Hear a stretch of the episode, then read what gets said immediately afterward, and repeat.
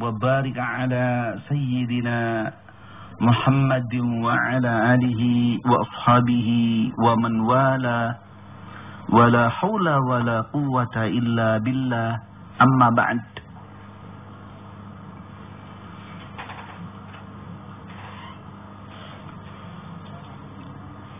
Para pendengar Bapak-bapak, ibu-ibu dan saudara-saudara pencinta radio kayu manis yang berbahagia. Mari kita bersyukur kehadirat Allah.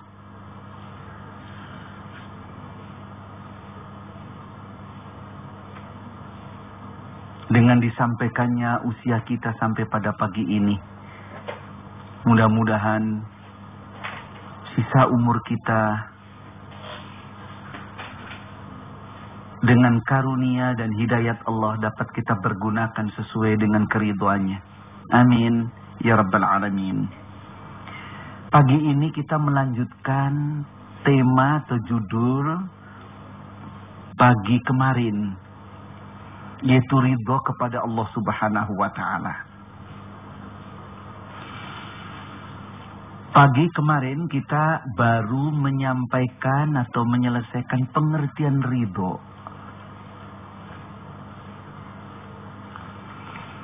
Mari kita bicara sekarang tentang titik topangnya apa.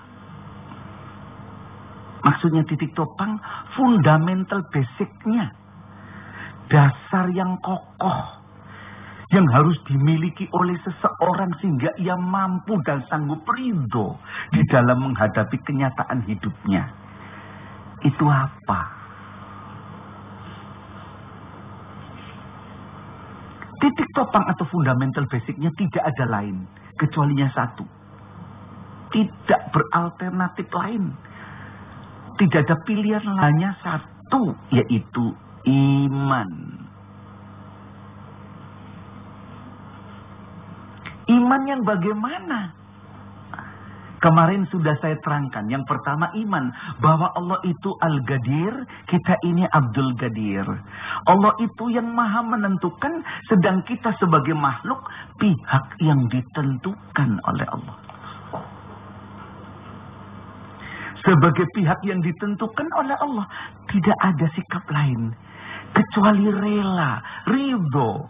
Terhadap kenyataan yang pada waktu itu. Pada momen itu itu sudah jadi kenyataan. Itu harus diterima. Bahwa nanti malamnya kita memanjatkan pinta dan harapan berupa doa kepada Allah.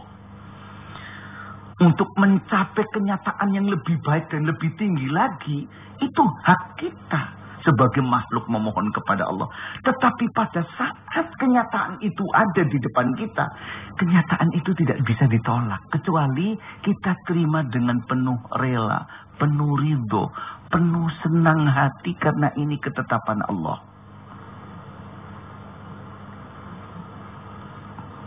Inilah yang kemarin sudah saya katakan di dalam surah Al-Baqarah yang ke-20. Yang akhir ayat itu berbunyi Innallaha ala kulli syai'in kadir. Sesungguhnya Allah itu kadir, maha menentukan ala kulli syai' atas tiap-tiap sesuatu. Inilah yang pertama. Yang kedua, satu keimanan yang harus ada sebagai kesadaran supra, sebagai kesadaran yang luhur dan tinggi di dalam kehidupan kejiwaan kita bahwa bahwa yang pasti berlaku di dalam kehidupan dunia ini adalah kehendak Allah. Sedang kehendak manusia tidak pasti berlaku. Apa yang kita kehendaki belum tentu berlaku, belum tentu tercapai, belum tentu berjalan. Tapi apa yang dikehendaki Allah pasti berjalan. Allah berfirman di dalam surah At-Takwir surah yang ke-81 yang bunyinya A'udzubillah minasyaitonirrajim. Bismillahirrahmanirrahim. Wa ma tasha'una illa ayyasha Allah Rabbul Alamin. Secara harfiah, secara letterlek, firman ini bermakna dan kamu tidak punya kehendak melainkan Allah yang punya kehendak karena Allah itu Rabbul Alamin Allah yang menguasai yang menentukan yang mengatur seluruh alam seluruh makhluk ini termasuk manusia maksudnya yang pasti berlaku itu adalah kehendak Allah Kemauanmu, kehendakmu tidak selalu berlaku. Bukan kehendakmu yang selalu berjalan. Tetapi kehendak Allah yang pasti berlaku. Satu contoh, satu contoh ini. Siapa yang mau ditimpa musibah? Siapa? Tidak ada orang yang mau ditimpa musibah. Tetapi siapakah orangnya yang tidak pernah ketimpa musibah? Semua orang pernah kena musibah meskipun kecil. Sakit. Siapa orangnya yang mau sakit? Ini musibah. Semua orang pernah sakit. Dan kalau sudah pernah kena musibah, itu bakal kena lagi. Jangan dikira kalau sudah kena musibah tidak bakal kena lagi. Kena nanti. Kita manusia tidak pernah ingin mendapat musibah. Tapi akhirnya musibah itu pun terkena pada kita. Maunya siapa? Nah inilah. Ini. Maaf, ini maaf. Siapa ini yang ingin tua? Siapa? Ini ibu-ibu kalau dengar kata tua banyak kan alergi. Siapa ibu-ibu yang ingin tua? Gak ada inginnya. Muda terus, cantik terus. Inginnya begitu. Tetapi apa yang terjadi? Akhirnya tua juga. Berproses ketuaan itu. Dari muda, akhirnya menua, menua, menua, menua. Akhirnya tua bener. Kita inginnya tidak tua, tapi akhirnya tua. Mau siapa? Inilah. Yang pasti berlaku kehendak Allah. Bapak apa? Hal ini dalam proses kehidupan yang semacam ini merupakan general hukum umum yang pasti berlaku pada hambanya. Dan ini ketetapan Allah yang tidak bisa dibantah dan dihindari oleh siapa pun. Kapan pun dan di jengkal bumi mana pun. Apa kita tidak akan ridho dengan keadaan yang semacam itu? Apakah kita tidak akan ridho dengan diri kita menua? Dengan kenyataan yang sudah ada. Kalau sampai kita nanti tidak ridho, akan timbul langkah-langkah tingkah-tingkah yang tidak semestinya dilakukan.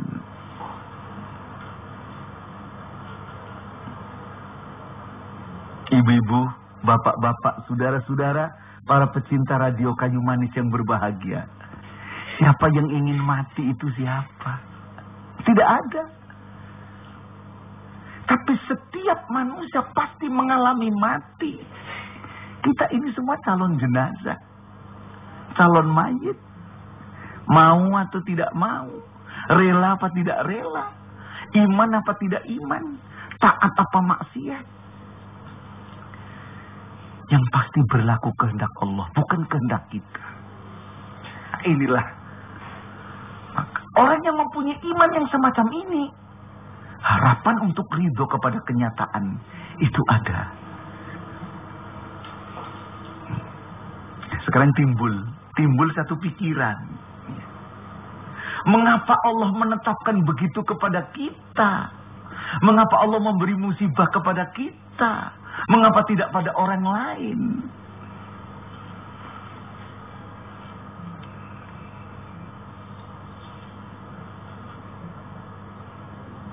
Ibu-ibu, bapak-bapak, saudara-saudara, para pecinta radio kayu manis yang berbahagia.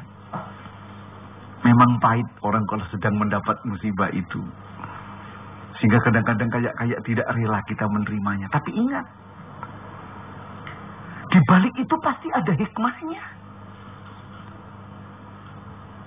Likuli syai'in hikmah. Begitu kata-kata-kata hikmah. Bagi tiap-tiap sesuatu ada hikmahnya.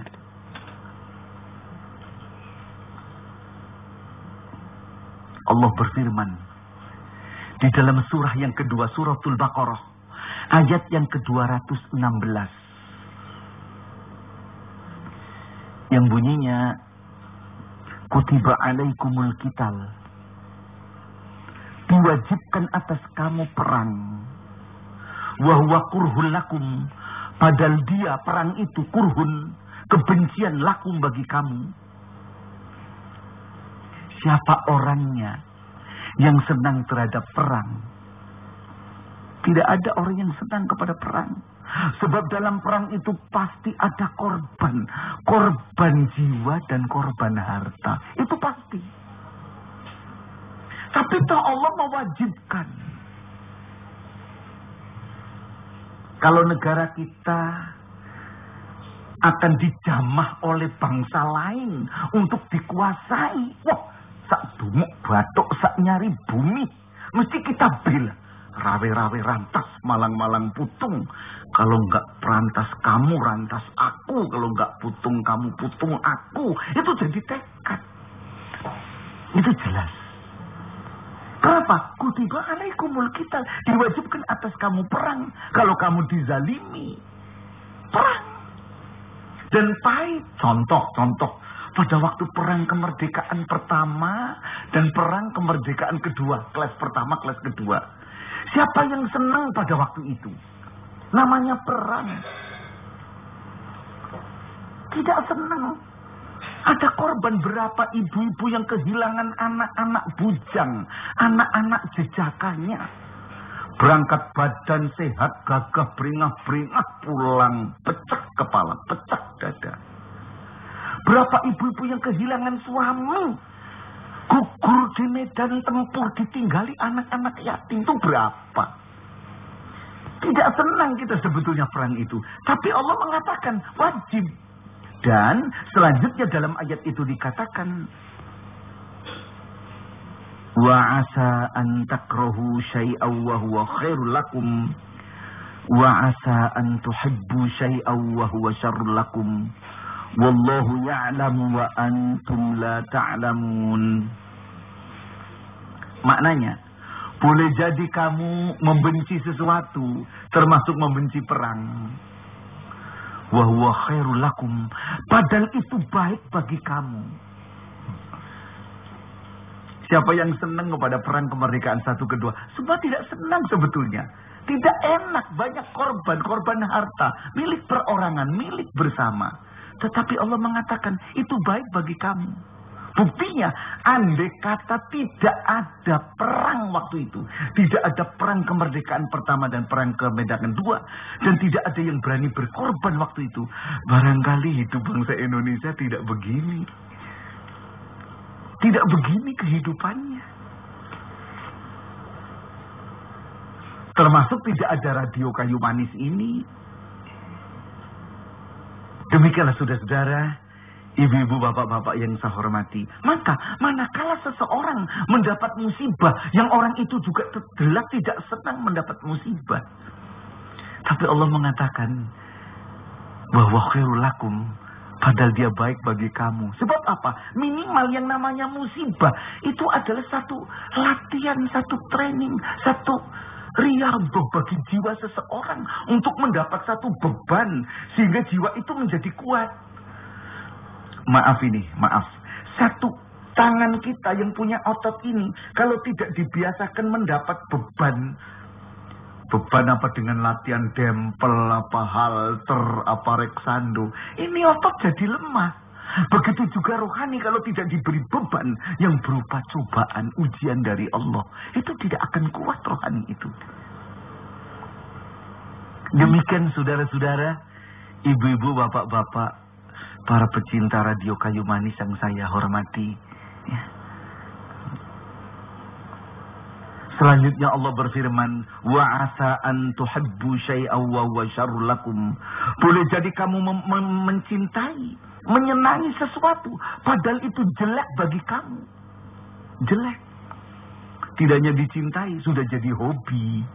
Itu yang akan menghancurkan karirmu. Itu yang akan menghancur luluhkan keluargamu. Wallahu ya'lamu wa antum la ta'lamun. Allah yang mengetahui, kamu tidak mengetahui bagaimana terkejadian berikutnya nanti. Inilah. Maka insya Allah dengan keimanan yang semacam ini kita akan bisa ridho kepada Allah Subhanahu wa taala. Nah, selanjutnya pembidangan ridho.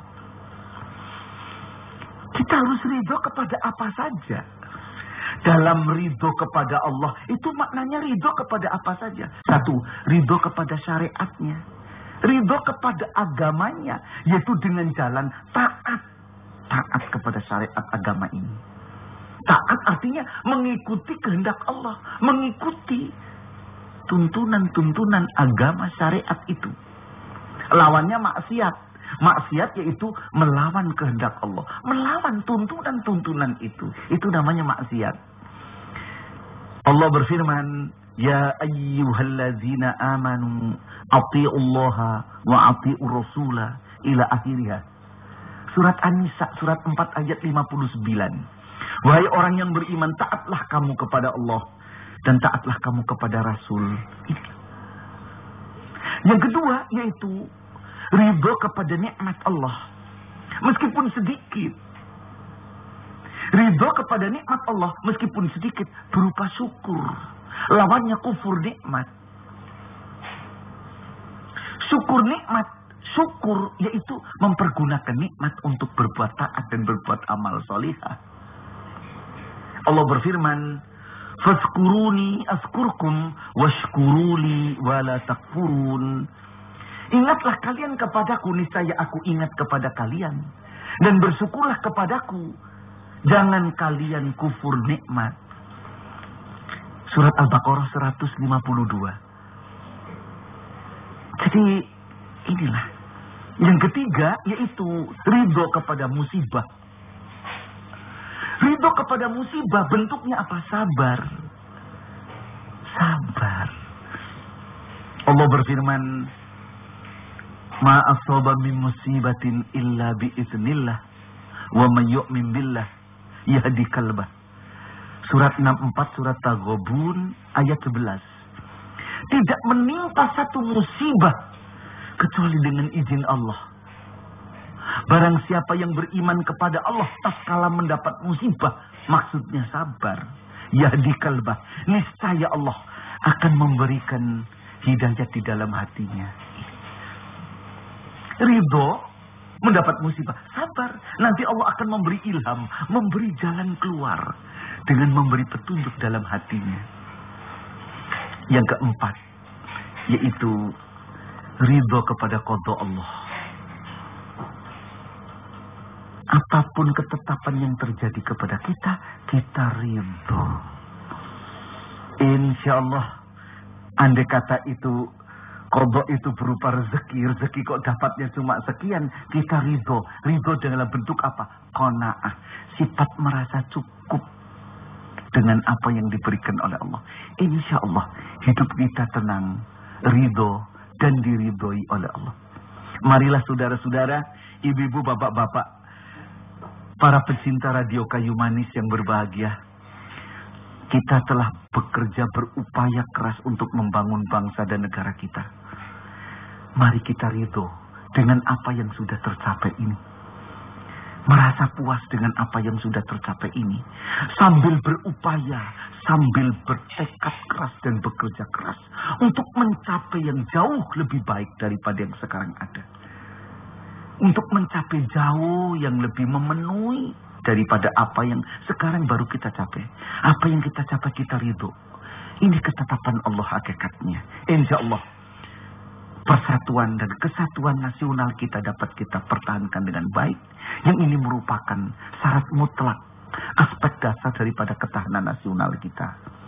Dan mudah-mudahan dengan demikian ini tetap mendorong kita untuk semangat membangun bangsa dan negara. Sekian, terima kasih dan mohon maaf. Wabillahi taufiq wal hidayah. Assalamualaikum warahmatullahi wabarakatuh.